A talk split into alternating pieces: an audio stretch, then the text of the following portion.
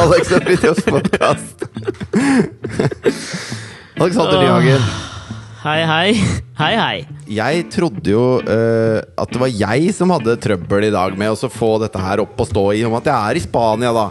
I Torvieja. Hvor er du? Torvieja. Torvieja er for meg Blander jeg det, eller er det en rødvin? Nei, det er Tor Torres. Er det Torres. Torres? Er det den jeg blander med? Den dyre? Ja. Den med oksen på? Men hvis du går på uh, Supermarcado i Torvieja og leter etter en rødvin som skal være god, så er det mye Ja. Torres.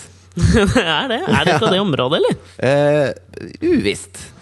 Men uh, det jeg kan si, er at eh, eh, Altså, jeg har lest litt eh, på nyhetene her. Med fare for å høres ut som en standup-komiker. Så det er mange som slenger dritt om å reise på charterferie. Eller ferie til sånne tradisjonelle eh, nordmennsteder, da. Fordi, Tar jeg feil, eller er Torvieja forbundet med Frp? So, ikke solkrem, men du vet sånn sololje på spray. Ja. Og grilldresser.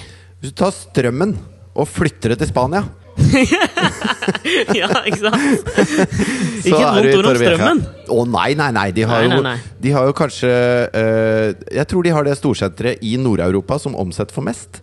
Trodde kanskje det, det var Sandvika storsenter. Jeg tror ikke det er det nei lenger. Jeg tror det er Strømmen storsenter. Men tror du det handler, handler om demografien på strømmen? At de Dremo, dremo, forventer demografien, sier du? Demografien? Sa du, sa du det? Nei, Hva er jeg gjør ikke det. Det må være Fy Men du, fader. nå, nå Er skal jeg ikke i fortelle deg. humør til dette her i dag, vet du. Ja, men det blir du. Det blir du, Ja da. For jeg er en skøyer. Fy faen. Det kommer du til å angre på at du sa. Ja. Men det jeg skulle si, da At det, Ja. det, er, det er veldig mange som skriver sånn derre eh, Nordmenn bruker Jeg leste en sak nå. Nordmenn bruker eh, tusenvis på tusenvis av kroner på å gjøre noe så traust som å reise på charter til Kreta, eller eh, på sånn leilighetsferie i Torvieja, eller sånne ting. Feil adjektiv. Ja, det, er på, det er jo ikke traust i det hele tatt. Det ikke er eh, trygt. Det er det. Trygt. Ja, men trygt er det ikke det du vil ha av ferien din, så fremt du ikke er Børge Ausland eller Cato Zahl Pedersen. Altså, jeg tenker, hvis du, hvis du, det det jeg vil ha når jeg ankommer min feriedestinasjon, det er jo forutsigbarhet. Og jeg tenkte på det her om ikke sant? Du, Nå er jo jeg på ferie her i, i, Spa- nei, i Portugal fortsatt. Ja. Og jeg vet ikke om du har merka det. ehm, For hvor lenge har du vært på ferie nå? Jeg har vært på ferie i eh, Altså, jeg reiste fredag, lørdag, søndag, mandag, tirsdag, onsdag, torsdag. Syv dager har jeg vært på ferie. Du har vært på ferie syv En lite brunfarge til å ha vært på ferie så lenge. si Nei, det er bare lite flatterende lys her. Oh, ja, Er det veldig blått lys, kanskje? Veldig blått lys. Blå, blågrønt. klarer Blågrønt. Når, når vi har vært Nå får jeg service her. Nå får jeg servert kaffe av svigermor mens jeg spiller en podkast. Ja, si til svigermor at hun skal Tusen pelle takk. seg vekk. Drittlei svigermora di. Nei, du um, Det heter ikke Alex og Fridtjof og svigermora til Alex sin podkast, gjør det vel? Ja, det kunne blitt. Hadde vært interessant, syns jeg. Nei. Men du, eh, jeg veit ikke om du har merka det da på de syv dagene du har vært på ferie. Men for min del så er det sånn at det, det, det som er trygt med det, er jo at det samme skjer hver eneste dag. Eh, Altså sånn for eksempel Er det det du vil skal skje, skjer hver eneste dag. Ja, så finner du ut det ganske tidlig at hva er en behagelig rytme på denne ferien? Og så følger du den rytmen hele veien, eller i hvert fall gjør jeg det. Sånn at jeg spiser frokost, da spiser jeg det samme hver dag, til samme tid. Vi sitter ute på balkongen her, spiser det, ferdig, går og bader. Altså, det er veldig sånn Nå, nå skal jeg fortelle deg hva som er rosinen i pølsa med å reise på charter eller et sted hvor det er Eller å reise til Strømmen i Spania. Okay. Det er hvis du har et internett som suger rasshøl, sånn Ja. som jeg har da, her. Ja. ja. Som viser seg at det er et sånn 3G-internett. Ikke, noe- ikke noe kabel i veggen, men 3G. Det går ikke an å oppgradere til noe kjappere. Lar seg ikke spille inn podkast med. Hva gjør du da? Du går ned til bassenget, så roper du Er det noen nordmenn her? Her gjorde du det? Ja, og flere hender røk i været. Og nå sitter jeg på balkongen til en som heter Kåre, som jeg ikke kjenner, og spiller inn podkast. Og jeg digger Kåre akkurat nå. Altså. Han bare 'Det er øl i kjøleskapet hvis du trenger det'. Jeg lar nøkkelen ligge her, så er jeg nede ved bassenget. Det er dritbra. Men ok, altså nummer én. Du går ned altså sånn, Dette må jeg ha Jeg må få danne meg et lite bilde av dette, merker jeg. Det er, Nei, altså- en pool, det er et poolområde, altså. For det første, da. Når du, når du er på Når jeg ringer Masmobil, som er da mobilleverandørtjenesten som leverer internett på den leiligheten jeg bor på, Ja. så sier de 'press two for English'. Hvilket jeg Ok. da gjør. Og så sier jeg Ja. 'hello' når de tar telefonen. Og så sier de 'hola'. Hola, ¿cómo estás? Og så sier jeg no, Ich habla nicht spanjol. Fy fader. Fy Og det, og det er bare, altså Hvis de sier at eh, trykk to for engelsk, så snakk engelsk da. La meg bare først da skyte inn, før, vi, før du maler mer opp dette bildet av deg nede ved denne bassengkanten i møte med Kåre, som jeg har lyst til å høre mer om. Så er det et eller altså. annet Ja, men det er et eller annet ved det Ved liksom innstillingen du har nå, som blir veldig torviejask. Skjønner du hva jeg mener? jeg vet altså, det er sånn Her snakker de ikke norsk her! Og jeg, jeg tok det sånn eh, jeg, jeg tok en tjave, liksom. Jeg gikk inn og bare Er det noen nordmenn her?! så jeg reiv igjen fotis på Kåre, og så fikk jeg lånt av rassen hans. Men når du går ned Altså, du, ø- ø- ø- altså Da bestemte du deg for nå, nå må jeg bare Nå må jeg ha internett. Du har hørt noen snakke norsk. Du går ned til uh, bassengområdet. Jeg tenkte sånn, jeg tenkte sånn Min gode venn Alexander er på ferie. Jeg kaster Ja. bort hans feriedag hvor jeg ikke har klart å fikse dette internettgreiene ennå. Så jeg Ja. løper ned. Jeg løper Oi. for ikke å kaste bort din tid. Ned, tid. skaffe meg Kåre. Bli med Kåre hjem. Kåre låser meg inn, så jeg setter opp, får passord, alt ferdig snakka. Sender melding. okay. Nå! Endelig! Og da skulle vi starte klokka 11. Da var klokka 11.38. Sendte jeg deg melding for å starte dette her. Og meldingen tilbake er Jeg driter, og huset er fullt. Kommer snart. Klokka er ikke 11.38 ennå! Jo, det er, du, du er i en annen tidssone. Å, er jeg det, ja? Ja, faen, det er det, ja! ja.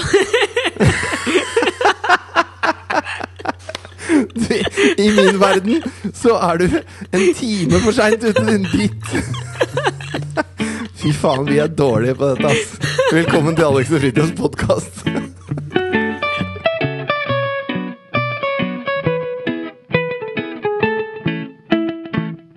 Ok.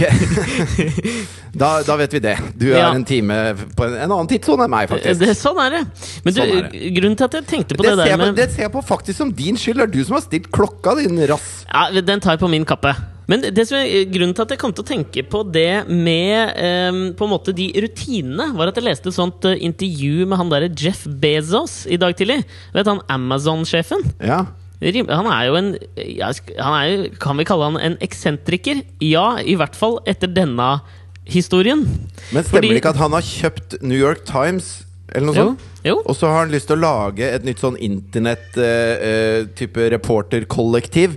For å frigjøre pressen og, og tre inn i nye æraen av avisbruk.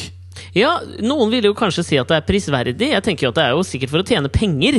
Men allikevel, jeg tipper sånn om si seks år, så vil veldig mye av det vi leser, være på en måte Jeff Bezos-funded eh, journalistisk materiale. Tror du ikke? Jo, fordi han, han, går, han tør å gå en litt ny vei, da. Altså Han, han har pornobransjen på en måte som sier Oi, vi har et nytt verktøy, la oss bruke det.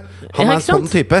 Han ikke, ikke- en sånn type som Hei, vi hadde noe som funka dritbra, la oss prøve å blokke alt det andre. Forlagsbransjen, er det det du mener? Ja, eller Ja. ganske mange andre bransjer, egentlig. Men jeg leste et sånt eh, intervju med han i dag tidlig, hvor, eh, som på en måte fikk meg til å tenke litt på mine rutiner her på ferie. da For da var det jo et sånt portrettintervju, og da er det jo veldig ofte sånn i portrettintervjuer at de gjøres over et måltid. Ikke sant? Ja. Det er en sånn stående greie, i hvert fall i portrettintervjuene i Dagbladet Magasinet, at de sitter på Theatercaféen, og så er det Finn Gnatt Nei, hva faen er han heter? Finn Graff? Finn Gnatt er TV 2-sporten, han. Gnatt, er det som heter Gnatt? Ja, Finn Gnatt, er det ikke det? Han legendariske TV 2-sporten-reporteren. Teit etternavn, ass. Ja, det er det. Gnatt. Apropos Jo. teit etternavn, så du på når Hellas spilte nå, eller? Han, der, Las, han som har så langt etternavn at det ikke er plass til etternavnet hans på ryggen av Hæ, det? eh, skjorta. Han heter Lasta, Lasarus Kristoffelopotopoulos.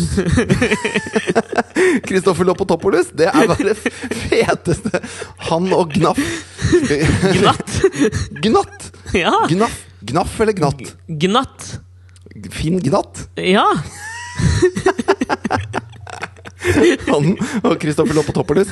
Det er bare det er en, eh, Ok, videre. Jeg tenker jo at uh, Grekerne hadde jo hatt litt å lære av brasilianerne, som, som finner på disse økenavnene, kjælenavnene, til spillerne sine. Det er jo Ja, ingen det som vet hvem Edson de Nascimentes var. Altså, det er jo Pelé. Ja, ikke sant? Og, og når jeg så Hulk, da den Ja. brasilianske spilleren Hulk Og så, Ja. så, så tenker jeg Faen, han ser jo ut som Hulk òg, jo!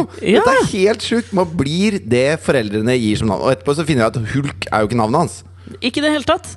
Nei. Neymar er jo ikke Altså Det som er gøy med Neymar òg, er jo at han har jo et eget kallenavn for når han bleiker håret sånn blei, bleikt. Ja, sånn blei, ja, sånn bleikt, ja. Da har han et eget kallenavn for seg sjøl med bleika hår. Det er jo veldig sånn Hulken-ish. Altså Ja. Bruce Banner og Hulken. Så når han blir grønn, så blir han Hulken. Når Neymar blir bleik, så blir han et eller annet annet. Jeg husker ikke navnet. ja det er sånn Men- Supermann Clark Kent. Ja, eller, eller det. Ja. Det husker jeg at, eh, husker jeg at eh, en eh, A&R fra Island Records sa til oss etter at vi hadde spilt Må du På The forklare Cavern Club. A&R? A&R. Ja, det Artist som and Relations, er det det der? Jeg tror det, det er de som eh, har som jobb i et plateselskap å finne nye artister og utvikle nye artister. Ja. Og så hadde vi spilt på The Cavern Club, eh, og så kom da The han- Cavern? Er det den legendariske Beatles-klubben? Ja, ja. Og så kom da han eh, Kimset han videre. ja, ikke sant? Og så kom da han og så sa han at Jarle hadde en sånn der Clark Kent Supermann-greie ved seg. For han syntes Jarle var så ufattelig døll før konserten. Og så syntes han han var så jævlig kul på scenen. Men Og det, det og det, kan, jeg, det kan jeg være litt enig i. Ja, for jeg husker da vi spilte inn podkast med Jarle. Ja. Og så kom han da tassende hjem til deg, hvor han nylig hadde blitt kåra vel til Norges best kledde mann. ja, tassene er riktig. Det er riktig Ja, adjektiv. tassende. Og jeg må bare innrømme at jeg ble litt skuffa. Altså, han kom med en eller annen sånn Skjeggevara-caps, og så likbleik ut i trynet, med noen briller og Æ, det var ikke helt min kopp med te nå, ass. Ja, men Det er derfor jeg syns det var så gøy når Jarl ble kåret til Norges best kledde mann. Ja. Eh, Det, det er jo det som var den enorme ironien i det hele. Nei, jeg tenker at Toppen av den kåringa måtte jo vært hvis du ble kåra til Norges best kledde mann. Jeg, jeg har jo nesten blitt det, føler jeg. Hvordan da, nesten? Se den trendy lille T-skjorta jeg sitter i her nå. Ja, den Neida, er jeg, jo nå, nå tuller jeg fælt. Katrine hadde ledd seg i hjel hvis jeg hadde blitt kåra til Norges best kledde mann. Og du òg. Ja, det hadde jeg. Um, jo, nei, det var dette med portrettintervjuer. Det var derfor vi kom inn på det, ja. Jo, Ja. altså, men grunnen til Finn Gnatt var jo Finn Graff. Uh, Dagbladet Magasinet har en lang tradisjon sant, av at portrettintervjuene gjøres på Theatercaféen under bildene av Ibsen og hvem nå det skal være. Og så Ja, blir det, det tegna av Finn Graff. Delvis er for å få folk til å komme. Hvis du sier at uh, skal vi møtes på kontoret i to timer, så er folk litt mer sånn åh, er ikke det litt kjedelig? Ja, Hvis de men- sier du får digg mat og deilig lunsj, da er det plutselig Da er det ålreit. Ja, og så har vel på en eller annen måte Finn Graff opparbeidet seg en eller annen slags form for status, som er at det er en ære å bli tegnet eh, Altså karikaturtegnet av Finn Graff. Fordi Det er Finn han, Graff- ja! Ja, det er en ære. Ja, Ja, han, ja. Jeg har sett mange Finn Graffer her som sitter på fortauene og tegner folk. Det er på en måte det samme. Den eleverte versjonen av han som sitter og tegner sånn tulletegning av deg i Syden. Ja, Og det koster jo penger. Hvis du blir tegna av Finn Graff, så får du en måltid på Tattkafeen i tillegg. Ikke sant? Vinn-vinn. Men la meg da, før jeg kommer til Jeff Bezos, spørre deg, for dette er jo en ting jeg har tenkt mye på opp gjennom uh, mitt liv. og eh, altså ikke ta meg for å være et rasshøl eller en pretensiøs idiot, da. Men hvis du kunne velge liksom hvilken eh, blekke som skulle portrettere deg, hvilken ville du valgt? Blekke, sier du? Ja? Du har blitt så trendy, altså. I forrige podkast så bare Ja, så kom det en mekser gående. Le, han leste ei blekke. Blekke? Er det Ja, ja, jo, jo. Ja, det er- Trendy is what trendy does. Ja. Nei, altså et, et, eh, et blad som skulle portrettert meg. Ja, Da er det helt klart Aftenposten Innsikt. Det hadde vært men, gøy. men de skriver jo ikke portrettintervjuer. Nei, det er derfor det hadde vært en jævla bragd, da. Ja, det er for så vidt sant, altså. Ja, ja men jeg kjøper den. Du lurer kanskje på hva jeg har tenkt? Ja, Hva hadde du tenkt, da? Lørdagsbilaget til Dagens Næringsliv. Der føler jeg det er en ære å bli portrettert. Da føler jeg at du har gjort noe. Det er ikke bare sånn bullshit-portretter. Nei, men du, eh, Jeff Bezos leste intervjuet med han. Masse spennende tanker. Men det som jeg reagerte på i intervjuet, det var at de satt eh, på en eh, restaurant, og så var det frokost de skulle spise da, under intervjuet. Ja. Hvor uh, han hadde ganske sånn uh, Det var veldig bra beskrevet, på en måte, av han journalisten. Um, hvor han skrev på en måte hvordan Jeff Bezos bestilte frokosten sin. For da så han nedover frokostkartet, da, hva som fantes av tilbud til frokost. Og så stoppet han på noe, liksom. Og det var jo da um, en, en octopus plate, altså en blekkspruttallerken. Noe som jeg tenker sånn i utgangspunktet er Det er frekt å bestille til frokost. Det er en seig frokost. Ja, den syns jeg ser. Så det var liksom bacon, eh, fritert eh, blekksprut Ja. Jeg beklager for denne skrikinga her, men det er, her er det folk! Sånn er det å være Sånn, på ferie. sånn er livet, si! Sånn er livet blitt! Ja. Eh, ja, fritert eh, blekksprut, og så var det eh, sånn hvitløksyoghurt, bacon, bønner Altså, det var helt sånn Det hørtes helt jævlig ut. Hvitløksyoghurt kalles jo også satsiki på Nei, men, det, fagspråket. nei, men det, det sto virkelig liksom 'garlic yogurt', og så sto det 'not tzatziki'! Utropstegn. Ok. Det var derfor, fordi skulle, Han poengterte liksom hvor rar denne bestillinga var. da Eh, og, og, og dette ble så enorm kontrast til liksom når jeg sitter ute på balkongen her hver morgen, så spiser jeg bitte litt yoghurt, og så tar jeg meg dette rundstykket, smører på litt mayo, tar, på meg, tar på en skinkebit, tar på en ostebit og noe agurk. Det er hver morgen. Og så, Ja. eh, og så spør jo han journalisten liksom Jeff Bezos hva, What's the deal? Hva, hva er greia? Nei, jeg blar jo hver gang jeg bestiller noe, så blar jeg meg ned til det jeg aldri har prøvd før, eller det som jeg tenker at jeg ikke skal spise, og det er det jeg bestiller. Og det er da jeg tenker sånn Faen, ass! Men sånn begynne er jeg òg. ja, sånn er Fader, nå hadde jeg tenkt å si Det er sånn jeg må begynne å tenke, for jeg tenker det er sånn fremgangsrike mennesker tenker. Jo, men altså fordi at jeg Jo, men Katrin- altså, Nei, men Jeg prøver ikke å si at det har gjort meg noe fremgangsrik. Det har, snarere tvert imot, det har ødelagt en del måltider på restaurant for meg. men, men Katrine og jeg, da, vi er diametrale motsetninger på akkurat det der. For at hun vil gjerne Altså det er sånn Hvis de har en uh, Si man er på en helt enkel sånn pizzating, da. Ja. Og så har- de De har alt, akkurat det samme alltid. ikke sant? Det er Margarita, Diablo Altså de har alle de samme nedover. ja. Og så er Katrine sånn uh, Ja, kan jeg få den med løk og paprika og uten sopp? ja. Og så, og så er jeg sånn men, men vi må jo stole på at det er noen gode kokker her som har lyst til at Som har liksom satt sammen dette sånn at det skal I Torrevieja? Nei, det- ikke nødvendigvis, det- men dette er det gjelder livet, da. Liverpool? Dette gjelder livet generelt, liksom. Ja. Også, også, men hun vil ha det sånn som hun vil ha det, liksom. Sånn at Som hun er har vant til? ja, hun har bestemt seg for hva hun syns er best, ikke sant? Ja. Og da vil hun veldig gjerne ha det. Mens Ja. jeg tenker at der ute så fins det jeg, det jeg syns er best. Det har jeg ikke smakt ennå. Det har jeg lyst til å smake. Ja. Og da, da går vi jo inn i det måltidet med to helt forskjellige forventninger, og vi får også to helt forskjellige resultater. Og hvem som, hvem som lander på beina av det, det varierer jo veldig, kan du si, da. Jeg tryner jo oftere enn henne, fordi at hun men, men jeg er ikke helt sikker på det heller. Fordi at hvis du bestiller det akkurat sånn som du akkurat vil ha det, så uh, har du gjort det si tusen ganger, da, har du spist det måltidet. Og, og hvis det skal bli best av alle de tusen, det er mye vanskeligere. Altså, terskelen blir jo veldig mye høyere for å få en, høy, en mathøydere. Mens du, Hvis du alltid bestiller tiramisu hver gang du er ute, så vil 99% av dem Uh, være dårligere. kakekrigen! Det er ikke kake. Er, du tar biscotti, dypper det i kaffe helt til de er myke, og så lager du en panna cotta på toppen av det. Med, ja, altså, det er noe annet enn kake, da. Er det ikke noe krem i tiramisu? Jo, det er krem i tiramisu. Okay. Eh, og så, det betyr ikke at det er kake. Det er kake er liksom, Hvis det skal være kake, skjønner du, Ja. så må det være en, en bakt bunn av noe slag. Det kan være nøttebunn eller en eh, sukkerbrødbunn, eller det kan være en hvilken som helst type bunn, men den må være bakt. Men er ikke biscotti Biscotti er da bakt. Ja, men det er, det er biscottien. Du dytter biscotti. Tiramisu er fremdeles ikke kake. Dette kan jeg. Ok? Du kan, ta, fremdeles- du kan ta gutten ut av kakekrigen, men du kan ikke okay. ta kaken ut av gutten. Hvis du bestiller eh, det samme da til dessert, Ja, ikke ja. nødvendigvis tiramisu, men det samme til dessert hver dag Si en, Så- en, en en lime panna cotta, da. En lime pannacotta. en lime pannacotta. Ja. Så vil da den lime pannacottaen du syns var best en gang Ja. det, er, det er veldig stor sjanse for at disse andre lime pannacottaene aldri når opp dit. Men hvis du bestiller noe du aldri har smakt før, så er det en ny opplevelse, og da vil du tenke sånn Jøss, det var den gangen jeg spiste octopus plate i Norge, liksom.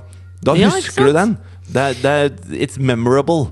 Ja, du, dette her uh, Dette her er litt interessant at du tar opp, fordi jeg har en um, jeg, har, jeg har tenkt på en ny, en, en ny teori. En, en av mine teorier denne uka her. Ja. Eh, Disse den- livsteoriene de har jo, de har jo slått, veldig, slått veldig rot, mange av dem. Ja. Det forandret livet mitt eh, ettertrykkelig. Det Mange vet jeg. Og mange av Ja. lytterne så veit jeg. Eh, Helt sikkert. helt sikkert Men når du sier dette her med at sant, du husker et måltid Tror du at det er i kraft av deg som tenker at du får dette intervjuet i DN, eller? Du skal, du skal ikke se bort ifra det. At, det, at en vakker dag i podkasten kommer det en så, en så monumental teori at den forandrer litt vårt syn på virkeligheten? Altså, Jeg ser for meg at overskriften Og kanskje blir er det den du kommer med nå? Det skal du ikke se bort ifra. Overskriften i Dagens Næringslivs lørdagsutgave kunne f.eks. vært eh, 'Teorienes John Lennon'. Eller overraskende innsiktsfull? Få høre nå. John Lennon. Nei, altså jeg tenkte på det Du sier at man, man husker jo et, et måltid. Ikke sant? Hvis du, hvis du har fått en, en, god ting en gang, så, så, husker du veldig mye sånn rundt det. Altså Du kan huske den ene gangen du spiste den fantastiske limepannacottaen. Hvis du var på ferie, så husker du ferien veldig godt. Ja, Du trigges av, av, luktene og av, ja, minnene. Det er mange ting da, som bidrar til å trigge akkurat det. Sånn har jeg det med en annen ting. Eh, og det er eh, Altså, min favorittbeskjeftigelse, eh, på en måte, med ferier er rett før jeg drar på ferie, så går jeg på en måte til bokhylla, og så kan jeg velge ut de bøkene som jeg skal ha med meg på ferie. Det syns jeg er utrolig stas. Ja, det, det, har du nevnt før. Det vet ja. jeg stas. Og det er jo ikke bare fordi at jeg liker å lese, men det er fordi at bøkene på en eller annen måte blir uløselig knytta til ferieminnene. Ikke sant? Ja. Jeg, jeg, husker jo fortsatt ferien da jeg var på Maldivene og leste begge eh, biografiene til Russell Brand. Jeg husker uh, Tanzania-ferien jeg var på. Da leste jeg 'Påskeparaden' av Richard Yates. Jeg husker varmen som steket i ansiktet mitt uh, på stranda i Spania mens jeg leste 'Dazed and Confused'. Altså, skjønner du? Fordi Jeg hadde nok ikke huska disse feriene så godt hvis jeg ikke hadde en eller annen god bokopplevelse til. De blir knytta sammen. Ja, det er jeg enig i, og det er nok en av grunnene til at folk sier at disse charterturene er trauste. da Fordi at når, når jeg reiser til Gjøvik, da, her mm. nede i mhm. Spania hei, hei, hei, hei, hei. Hvis jeg hadde gjort det hvert ikke, år ikke, ikke, si det så høyt her, da. Nei, og, unnskyld. Strømmen. Strømmen. ja. jeg glemte at du er med Totenfarere her nede. Takk skal du ha. Eh, eh strømmen. Altså langt ja. unna Toten. Mi. Kilometervis unna Toten. så hvis man hadde vært her hvert år, så er det jo andre ting som, som eh, gir det året sin flavor, da, på en måte. Ja, og det kan være f.eks. bøker. Eller musikk. Eller ja. smaksopplevelser. Det kan være hva som helst. For, for, min del så er det på en måte bøkene, fordi det er det jeg gjør i ferier. Jeg leser. Jeg merker jo nå at det har jo ikke blitt den lesefesten det før har vært med barn. fordi det rekker man bare ikke, liksom. Men uansett, da. I år så valgte jeg jo Gikk jeg gjennom den samme prosessen. Valgte meg ut noen bøker. Essaysamling av David Foster Wallace som jeg gleda meg til å lese. Okay. Så hadde jeg med meg en reportasjebok av John Erik E. Riley, Mattis Øybø, Henrik Langeland. Spennende. Miksa inn litt tysk dette, der. Dette, det du driver med nå, det er liksom sånn derre Dette er litt sånn name-dropping. Ja, dette er hashtag snikskryting. Snikskryt, ja. Det var ja. det det var, ja. Men jeg prøver å Men jeg, prøver, jeg, jeg mener at jeg, jeg, jeg, grunngir det med at jeg uh, tegner opp et bilde av uh, På en måte viktigheten i det for meg, da. Så betyr, ja, dette betyr faktisk litt for meg hva jeg valgte ut, ikke sant? Okay, ja, ja. Uh, og, og, så tenkte jeg også at jeg skulle ha en litt sånn tysk twang på denne ferien, så jeg tok med to tyske bøker. Ja. En av VG Sebalt, og så tok jeg med meg 'Steppeulven' av Herman Hesse, som jeg hadde begynt på for litt siden, lagt fra meg, og så begynte jeg på en nå. Har det noe med at vi er midt i fotball-VM, og du tror Tyskland kommer til å vinne fotball-VM, eller? Jeg tror Tyskland kommer til å vinne fotball-VM, ja. Uh, og da tenkte jeg, jeg, hvorfor ikke komme seg inn i litt i den tyske åndslivet? Ja. Og altså, jeg ble, hva, Det jeg lurer på sånn i forkant, er jo sant, hvilken av disse bøkene kommer til å være den som blir uløselig knyttet til disse? Til denne feriens minne, ikke sant? Ja. Eh, og det kan jeg da si nå, at det blir jo 'Steppulven' av Herman Hesse. Grunnen til det er uh, at jeg satt og, satt og, leste denne her. Nå har jeg lest den ferdig. Og uh, i forrige uke så snakka vi jo en del om, og det har vi på en måte gjort før òg, snakka litt om, om Christian Valen. Ja, han og, har vært eh, oppe noen har, ganger. Altså, han har jo på en måte fått kjørt seg litt, syns jeg, i vår podkast. Og og ikke, bare i vår, ikke bare i vår podkast, han, han, har fått kjørt seg litt. ja, han har det. Punktum. Men um, Herman Hesse skriver en utrolig spennende passasje om humor i Steppeulven. Ja. Um, som egentlig Som jeg tror har fått meg til å se Kristian Valen i et, et, et nytt lys, egentlig. Okay. det er en slags selvransakende prosess jeg har vært gjennom her med Herman Hesse. Fordi altså, det han skriver Men du har jo, jo gjennomgått en lignende prosess med, med Tommy Steine, blant annet? Absolutt. Det har du fått kanskje... en, en nyvunnen respekt for Tommy Steine? Nja Jo, det, det har altså, du sagt. Gjør, jo, men han gjør det så jævla vanskelig for meg! Når han står og banker seg på brystet for å gå på og klage på at Zaid Ali har et fem minutter for langt sett, da gjør han det veldig vanskelig for meg å beholde den nyvunne respekten. Eh, det er nettopp det som gjør han så respekterbar. det er det at han ikke er enkel. Han er en utfordring, og Jo, det må og- man verdsette. Og det er kanskje det Herman Hesse har fått meg til å innse at Kristian Valen er også. Fordi steppeulven er, altså, Selve konseptet steppeulv handler vel egentlig da om et slags, et slags menneske som som både er ulv og menneske, i det at man slites mellom to sjeler i brystet sitt, da, kan man på en eller annen måte si. Og det er det jeg kanskje føler litt at Kristian Valen er, og at vi har misforstått han litt. La, la oss se på Kristian Valen som en steppeulv, da. Og de fredløse steppeulvene som gjennomgår de forferdeligste lidelser, skriver Herman Hesse. De som mangler den der nødvendige styrken til det tragiske, altså til å bryte gjennom til det, kosmiske, liksom, til stjerneverdenen, de og for dem da, så åpner det seg en forsonlig utvei til humoren når ånden er blitt sterk nok.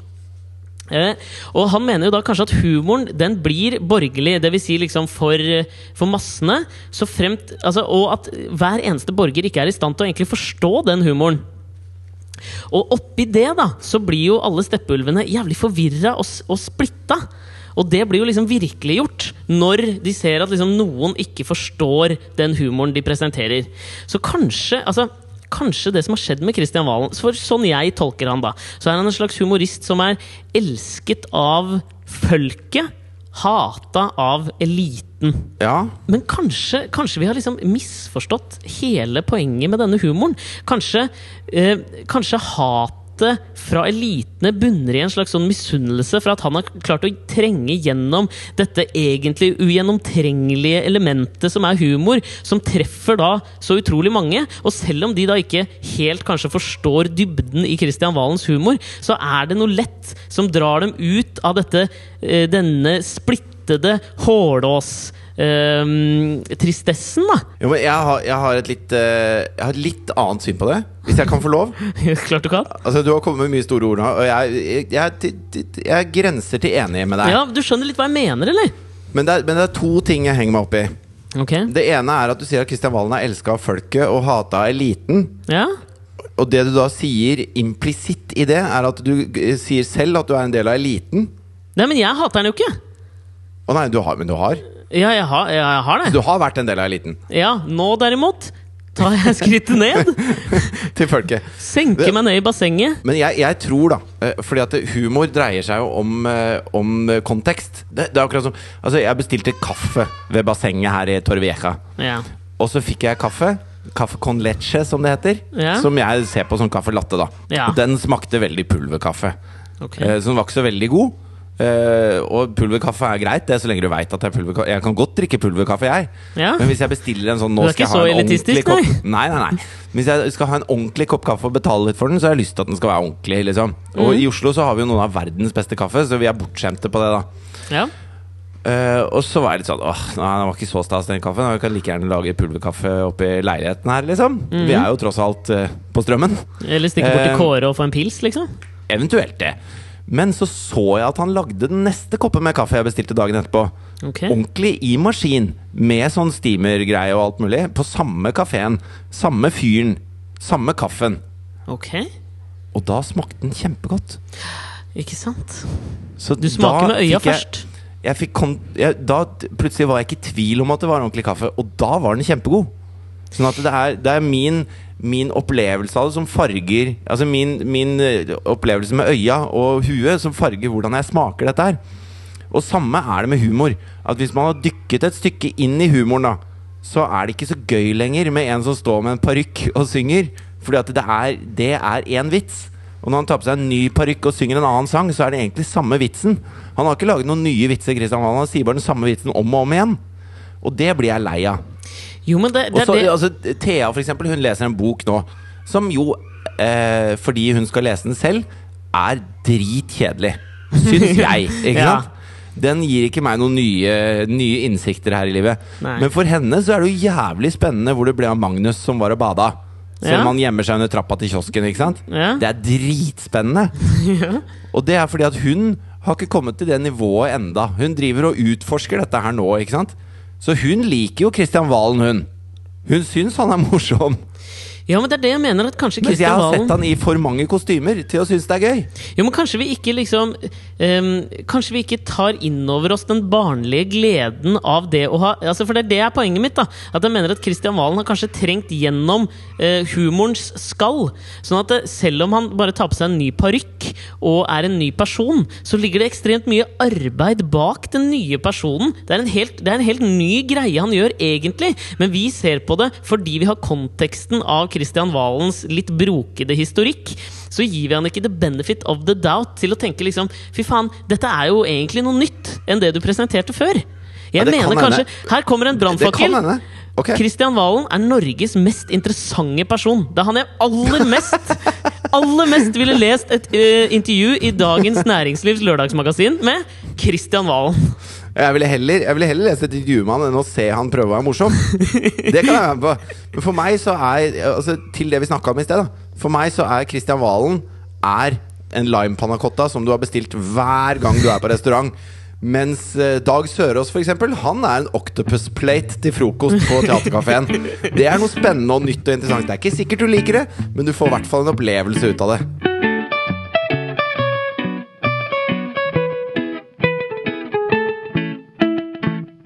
En som ikke eh, har skjønt helt det der humorens kontekst, tenker jeg, da. Det er eh, godeste Kim Jong-un. Jeg vet ikke jeg vet Eller Suarez Suárez. Suárez er heller ikke skjønt. Fy flate, er, det lov å- er det lov å mane til litt måtehold omkring Suárez-skandalen nå, eller? Jeg er litt lei av det. Ok, han biter. Ok, han er gæren. La oss bare La oss ta et pust i bakken, liksom, nå. Jo, men selv når boksere biter hverandre i øret, så blir det ståhei, liksom. Ja. Altså Selv når Mike Tyson biter av halve øret til Evander Holyfield, så blir det ståhei. Og Ja, da jo, det er det jo ikke rart rar Altså Tenk deg hvis Nadal hadde hoppa over nettet og bitt ned Federer. Altså Noen hadde stussa på det. Det hadde blitt Kan litt man- frenzy der òg. Kan man bite ned folk? Å ja, bite ned, ja. Kan man Det det? går an. Ja, ja, ja. Da bare Du hopper opp på dem, og så biter du de ovenifra og ned! Det er noe vampyrsk over det. Ja, Og bite ned folk, ja. Ja, nei, men allikevel, Jeg syns vi skal ha sånn måtehold med all det skriveri, skriveriet om det nå. Det er en contact sport. Jeg liker folk som er litt sånn Han er på en måte fotballens Jeff Bezos, han. Bare pushe grensene litt. Ja. Jo, men det, jeg, så, Apropos pushe grensene litt. Jeg satt på flytoget på vei til flyet. Da pusha jeg grenser, ass. Nei, nei.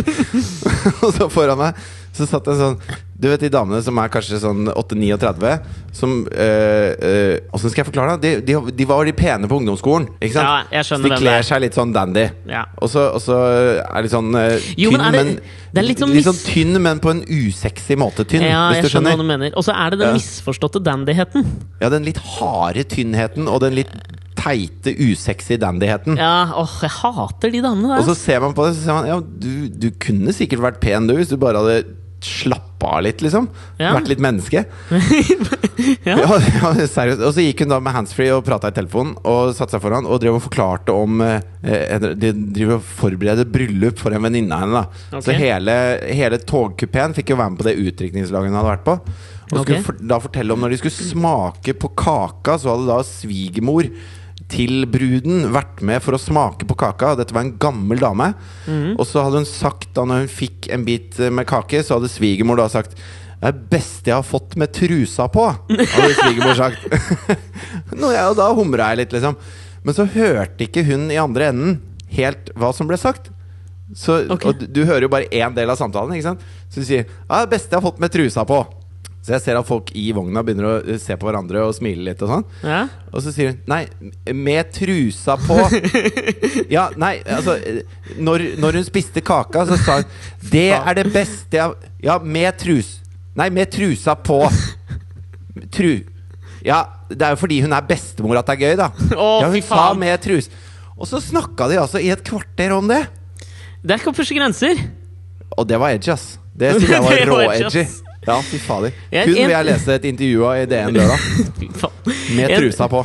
En ting som er edgy, eh, som Kim Jong-un ikke har Som ikke har falt i god jord hos Kim Jong-un, det er den nye filmen til Seth Rogan og James Franco.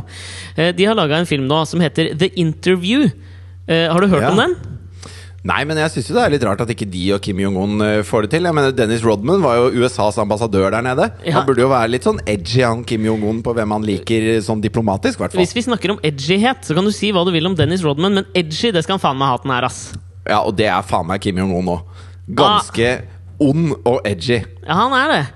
Det som er overraskende med Kim Jong-un, jeg vet ikke om du vet det, men han har en hel haug med verdensrekorder og olympiske rekorder. Han, er jo dødsatletisk. Jeg vet det, og så er han ikke bare herskeren i Nord-Korea. Han er herskeren over alt som lever i havet, i himmelen, og i universet som vi kjenner det. Ja, Og han er- edgy, ass. Og det mest edgy han har gjort, Ja. er å ha den teiteste hårsveisen i verdenshistorien. Og så gi strenge fengselsstraffer til alle som sier at de ikke liker den, og tvinge frisører til å klippe alle andre også sånn. Da Også- faen meg ass! Jo, men den er jo den sveisen hans, for å ta en liten uh, svingom der. For jeg så der nå at uh, i, Du vet borte i, i Williamsburg i New York, så, så er det jo et slags sånn Det er sånn Jeg kan se for meg at en del av de hipsterne begynner å kjøre Kim Jong-un-sveis. Jo, men eh, Kan du ikke gjenkjenne den sveisen der? Kort på sidene, litt sånn lang på toppen. Det er jo hipstersveisen. Ja, men han har en sånn, en sånn bolleklipp gone eh, bad. Liksom, han har en sånn stor sopp. Han får Og så et, et langt hakk inn, et overheng, som en klatrer ville kalt det. Et solid overheng. Fire-fem centimeter over øra. Han har en ganske drøy klipp. Jo, men unektelig veldig lik en annen mann som har blitt kåra til Norges mest sexy. Han var veldig lik den forrige sveisen Chirag i Carpe Diem hadde. Ikke ulik. Ikke ulik. Faktisk ikke ulik. Nei. Men uh, Seth Rogan og James Franco, dette nye paret i Hollywood, vil jeg påstå De driver jo og lager filmer sammen hele tida. Filmen de har laga som heter The Interview, går ut på at um, de er to hemmelige agenter som får i oppdrag å drepe uh, Kim Jong-un. Ah, Eh, og de ble jo anbefalt av studio, som ga ut allerede filmen. nå skjønner jeg hvorfor Kim Jong-un ikke liker den filmen. Jo, det er jo poenget, da. De ble jo da eh, anbefalt av The Studio, som gir ut filmen. Om det er Warner eller det husker jeg ikke helt. Eh, Ja. Om å altså, ta heller og lage en fiktiv diktator, da. Og så skjønner alle at det er Kim Jong-un.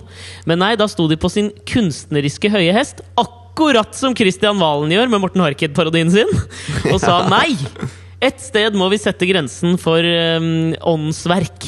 Det skal Ja. være Kim Jong-un. Så jeg, s- jeg, har bare- jeg har ikke sett filmen, men jeg har bare sett traileren, og den ser, den ser grei ut.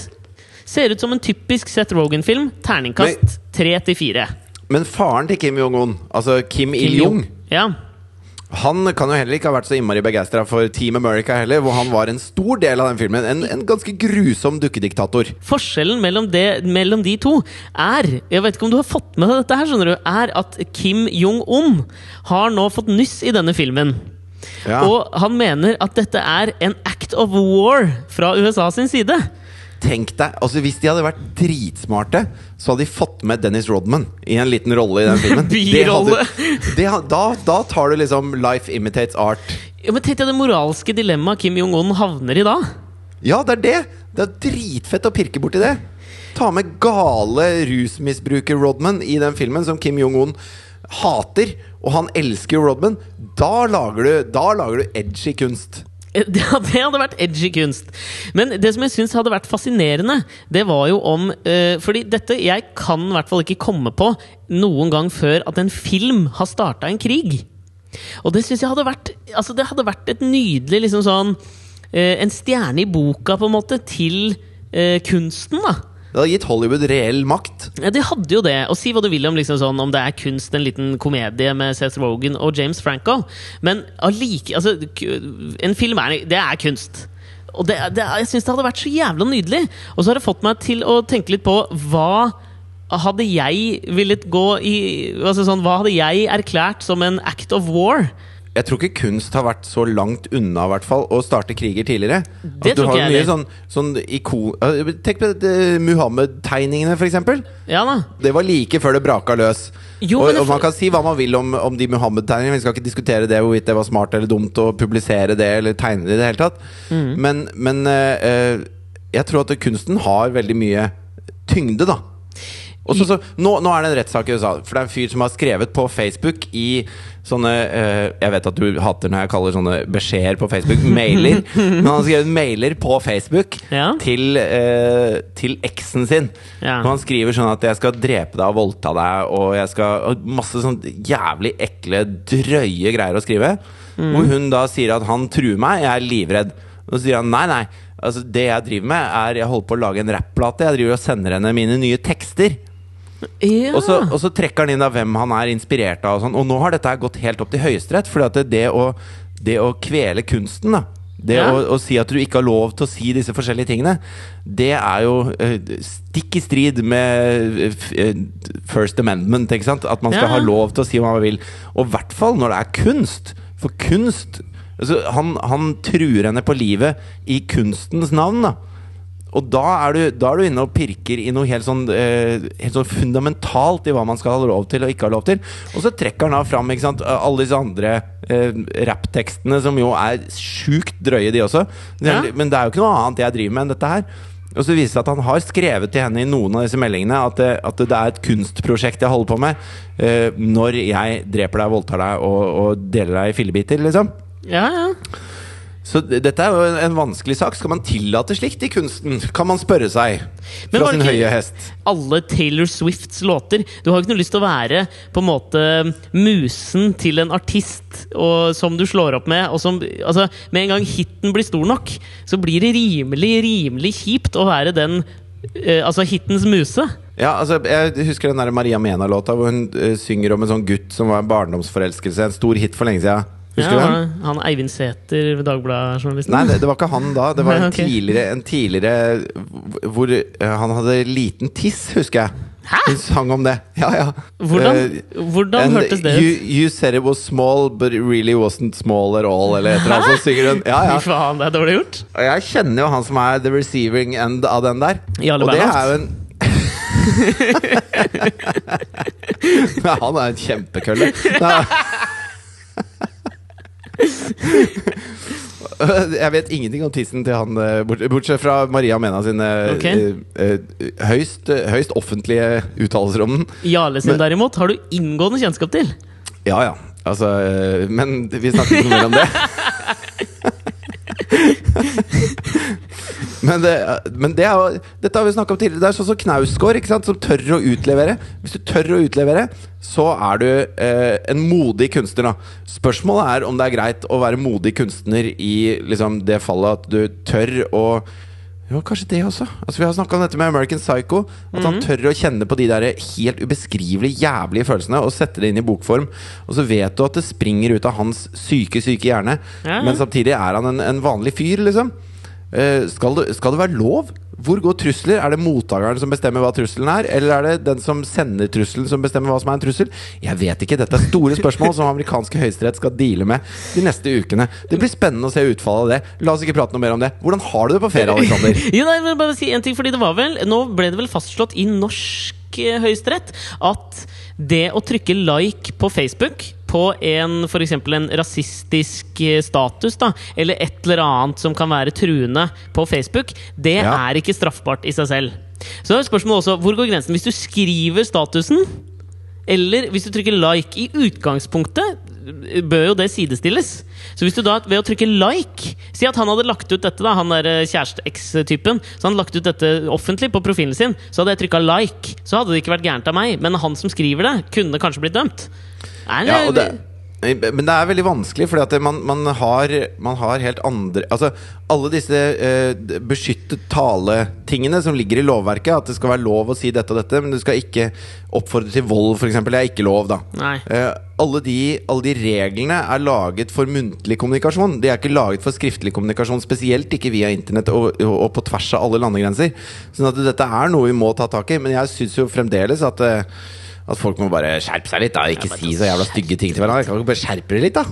Altså, Og så altså, må, du, må du synge en sang om å kappe eksen din i fillebiter og pisse på liket hennes. Liksom. Er det noe vits i? Det kan hende jeg ikke skjønner kunst, men, eh, men kall meg døll, da. Kall meg en traust, kjip faen som reiser på ferie til et sted det er trygt. Du setter vel heller ikke pris på hun der oppkastkunstneren som drev og spøy på Lady Gaga på scenen her, heller, du vel? Ikke så imponert. Eller han derre eh, var, eh, bulgarsk TV-personlighet som fløy på Brad Pitt som et kunstprosjekt, liksom. Så Brad Pitt ble jo livredd, selvfølgelig. Det kom en gal eh, østeuropeer og dengte tenn på rød løper. Uhyggelig kunst. Brad Pitt har forresten klippa seg akkurat som Kim Jong-un. Ja, ser Der ser du, hipstersveisen er på vei. Men du, det hele greia med Kim Jong-un fikk meg til å tenke på, var hva, i, hva som har skjedd denne uka. Uh, siden dette jo er en ukentlig podkast, kunne fått meg til å si liksom Vet du hva? I declare uh, that was an act of war mot meg. Skjønner du hva jeg mener? Ja.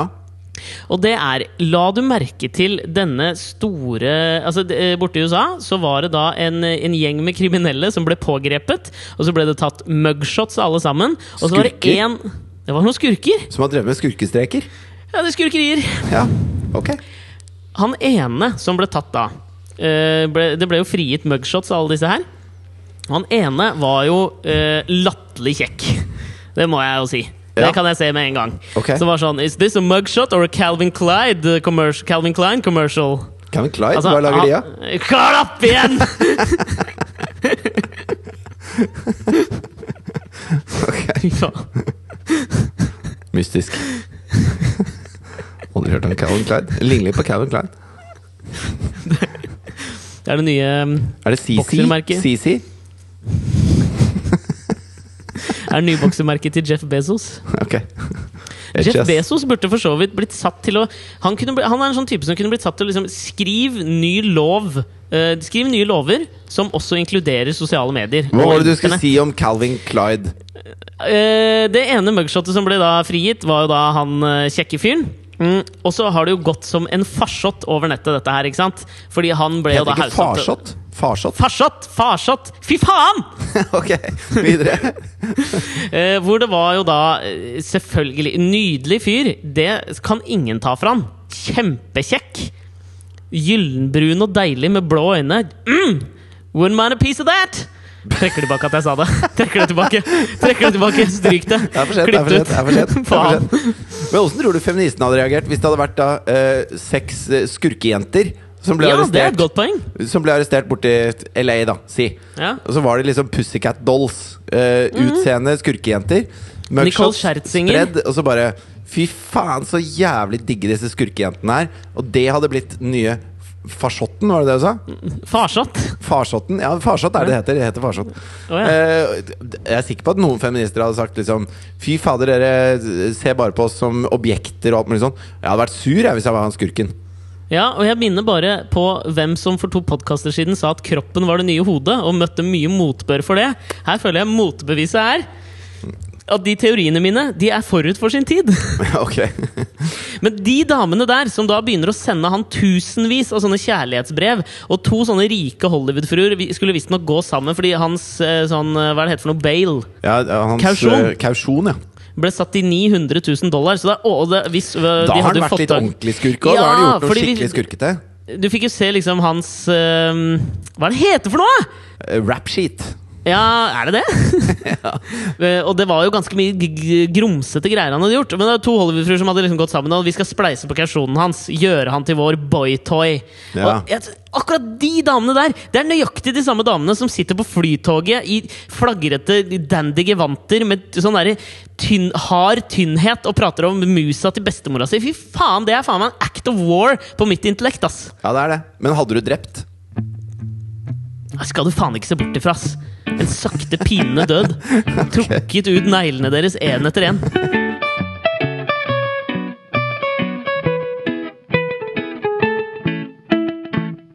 Du snakka om den der sveisen til eh, Kim Jong-un. Ja, det var du som gjorde! Ja, det var jeg som snakka om sveisen. Det var du som snakka om Kim Jong-un. Jeg, Ja. jeg kan ikke tenke på Kim Jong-un uten å tenke på den sveisen. Den Nei. er ikonisk. Den er er, ikonisk kun, sveis. den er en jævla installasjon på toppen av hodet hans. Ja, ja, ja. ja. Men eh, det, det jeg skulle, fordi at det, når jeg var på den Universal sommerfest her forrige uke Det har vi glemt, ja. Du skulle jo komme litt slahader derfra. Så står jeg og prater med Thomas, eh, som er eh, kjæresten til Wenche Knutson. Ooh, moving on up, moving on up to the east side. To a deluxe apartment in the sky. Har ikke godt av å være på ferie. ass. Nei. Men i hvert fall så plutselig kommer det da en sånn uh, forfylla dame i 40-åra, som er sånn radiodame. Ok. Eh, Hvem var- fikk jeg vite etterpå. Jeg, jeg vet ikke. Men det, var- Kari Slottsveen? nei, Thomas hadde sett henne et par ganger før. Han sa at hun jobba med radio. Så kommer hun da, eh, bort til Thomas og så bare Fy faen, du er like deilig som du alltid har vært! Fy faen, du er digg, ass! Altså. Åh, med den derre sveisen, og så har du sånn deilig 'kom og hjelp meg'-bart! ja, hun sa det. 'Kom og hjelp meg'-bart. Og da- hva er det altså- for noe? Nei, det er en slags sånn smultring, da. Hun kaller det for 'kom og hjelp meg'-bart. Ok. Og så avslutter hun med å si sånn Du kommer til å få deg noe i kveld, ass! Og han har liksom fått to barn med Wenche Knutson allerede, og hun står ved siden av han. Wenche Knutson! Ja. Å, jeg trodde det var Eva Wehl Skram, jeg. Nei, jeg sa jo Wenche Knutson. Og så så ja, okay. begynte du å synge 'Moving On Up'. Ok. Så han Thomas. Ok, ja. Ja, der forsvant den historien.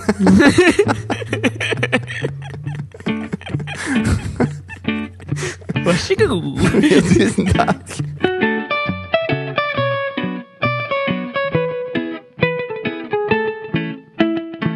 Men apropos sånn trekke ut tånegler og torturere folk og drepe folk, som du hadde lyst til å gjøre.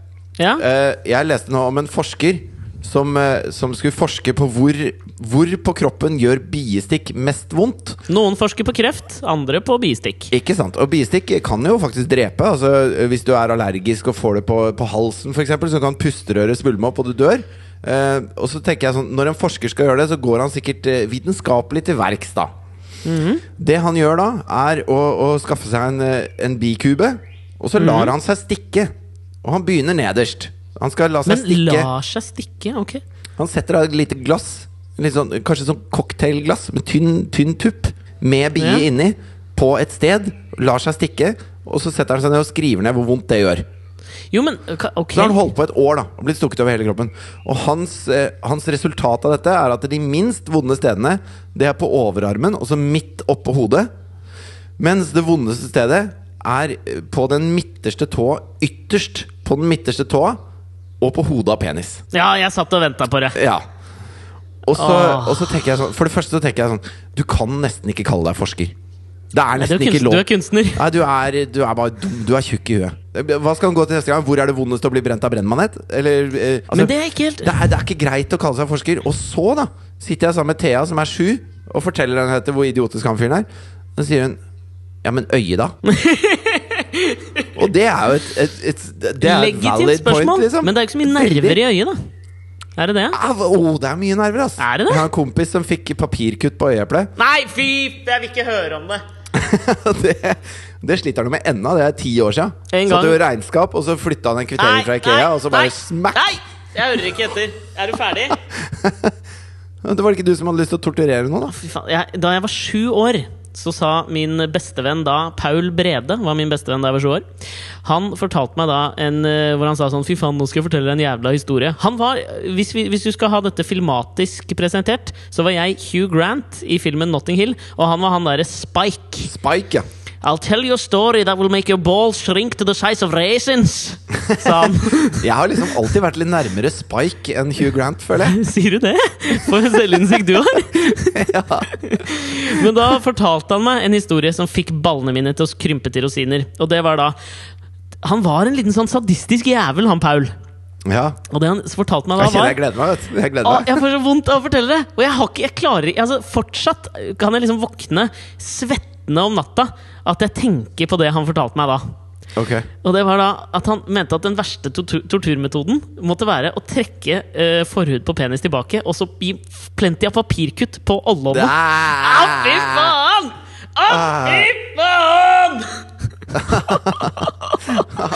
det er så vondt at det gjør vondt i tenna, merker jeg. Ja, nei, det, jeg, må, jeg må gni meg i øynene. Åh, Jeg, jeg sitter og gnir meg i øynene. Jeg sitter og holder meg Altså jeg sitter og lukker igjen forhudene. Bare sånn for å ikke Men, liksom jeg, må, jeg må tenke på Tilbake til han forskeren. Ja, men du, Jeg hadde to innspill på Men, han men forskeren. greia var jo at det, han har jo ikke latt seg bite på øyeeplet. Da, De biter da, vel ikke? Nei, stikke, da. Ja. Og da nullstiller han jo hele prosjektet sitt. Når selv en syv år gammel jente tenker at det, Men det må jo være det vondeste stedet. Og så er det sikkert så vondt at han har ikke turt. Da Da har han latt seg stikke over hele kroppen til ingen nytte. Det er, han er jo en ubrukelig forsker. Nå har jeg tre innspill. Nummer én så mener jo jeg at det at Thea kommer på det som denne uh, forskeren, som sikkert har doktorgrad i noe, ikke kommer på Han er en del av Smart, altså. Hun eliten, kommer til å bli jævlig smart. og hun liker Christian Valen. Nok et bevis på at min teori kanskje er litt forut for sin tid. Nummer to. Ja. Eh, det, hvis vi skal liksom tilbakeføre det til det vi har snakka om i podkasten i dag, da, så kan jeg liksom ikke helt akseptere premisset for forskninga hans. For det er akkurat det samme som at Katrine bestiller den samme pizzaen om og om igjen. Han lar seg stikke om og om igjen. Han kommer jo sikkert til å romantisere noen stikk som jævlig vonde. Og det å da Ja, klare ja, ja. å gradere smerten etter hvert, det tror jeg blir umulig. Ja, for smerte har ikke noe skala. Så man kan ikke, det er ingen som kan si hvor mye smerte det er eller det er. Man kan Nei. bare spørre folk. Og smerte Gjør det er vondt? Ja, hvor vondt? Kjempemasse. Det er faen meg Det er, sånn det de hold, det er sånn de holder på på sykehus fremdeles, liksom. Gjør det vondt? Ja, grisevondt. Ja, ok, men da får du litt mer Men- medisin. hva, Hvordan opererer han med liksom begrep som smerteterskel og relativ smerte? Nei, altså, han velger jo ikke å gjøre det, da. Han hopper bukk over det! Ja, det var en veldig kort artikkel. ja.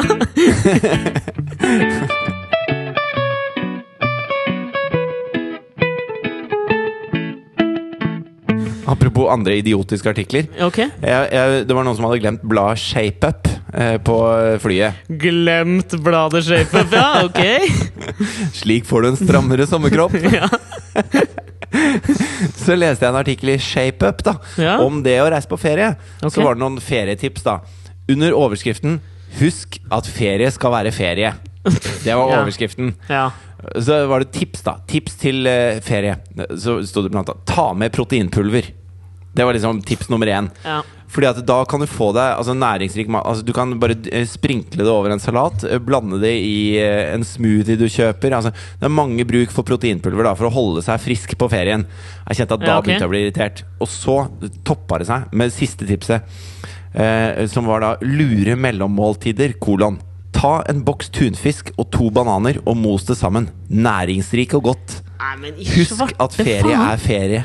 Hva faen? Det, Det hadde ikke er- ramla meg inn i min villeste fantasi Altså, jeg vil heller ha papirkutt på Ollon Ja, men det er det jeg mener. å Det der er gastronomiens papirkutt på Ollon, det der. Det er min smerteterskel. Altså, der når jeg toppen. Samme om jeg ser hvem som lager den tunfisken. Kommer til å være like jævla døll. Jeg syns, jeg syns da, før vi avslutter denne podkasten, så skal jeg kaste på deg, siden du har presentert sånn Det føler jeg er på en måte symptomet på alle disse her bladene. ShapeUp, alle typer sånne blader. Det er den derre 'slik får du', 'nå trenger du'. Altså all, Alle sånne overskrifter irriterer meg noe jævlig. Og så leste jeg det jeg da mener er tidenes beste overskrift, som jeg syns kan være en talende utgang for denne ukas podkast. Ja. Det var da Du vet, vet du Det er et dumt spørsmål. Kelly Rowland. Hun har jo vært med i Destiny's henne. Child. Hun var med i. Destiny's Child sammen med Beyoncé, ikke sant? Ja.